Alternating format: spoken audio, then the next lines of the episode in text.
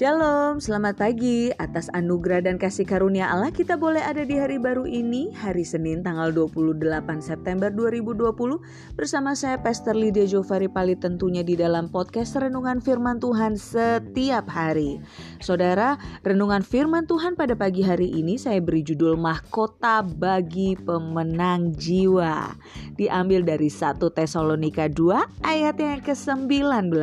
Sebab siapakah pengharapan kami atau sukacita kami atau mahkota kemegahan kami di hadapan Yesus Tuhan kita pada waktu kedatangannya kalau bukan kamu? Ya, salah satu mahkota kekal yang Tuhan sediakan bagi orang percaya yang mampu memenangkan jiwa bagi kerajaan sorga adalah mahkota sukacita atau mahkota kemegahan. Ada tertulis akan ada sukacita di surga karena satu orang berdosa yang bertobat lebih daripada sukacita karena 99 orang benar yang tidak memerlukan pertobatan.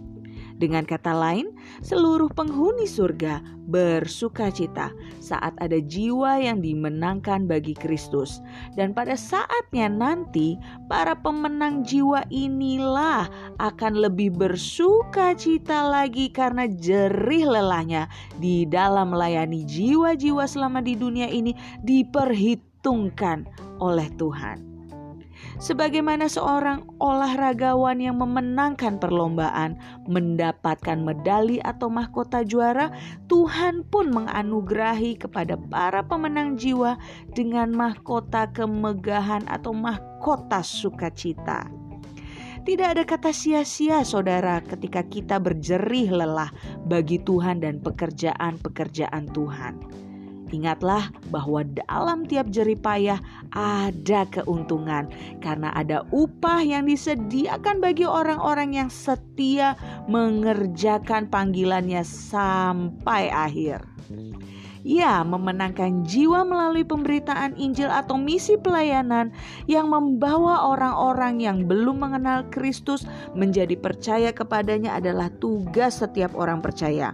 Sebab inilah amanat agung dari Tuhan, yaitu Pergilah jadikanlah semua bangsa muridku dan baptislah mereka dalam nama Bapa dan Anak dan Roh Kudus dan ajarlah mereka melakukan segala sesuatu yang telah kuperintahkan kepadamu dan ketahuilah aku menyertai kamu senantiasa sampai kepada akhir zaman.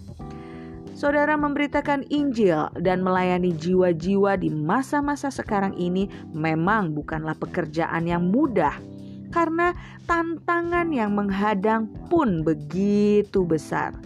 Namun demikian, kita tidak boleh menyerah dan berhenti di tengah jalan. Rasul Paulus sekalipun harus diperhadapkan pada ujian, tantangan, dan penderitaan tidak membuatnya patah arang.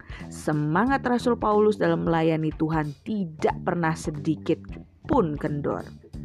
Dengar baik saudara, seberat apa pun keadaannya, kita harus terus maju di dalam melayani Tuhan dan pekerjaan-pekerjaan Tuhan dengan roh yang selalu menyala-nyala di dalam Tuhan. Jadikanlah Yesus sebagai yang terutama dan Alkitab sebagai satu-satunya pedoman dalam kehidupan kita.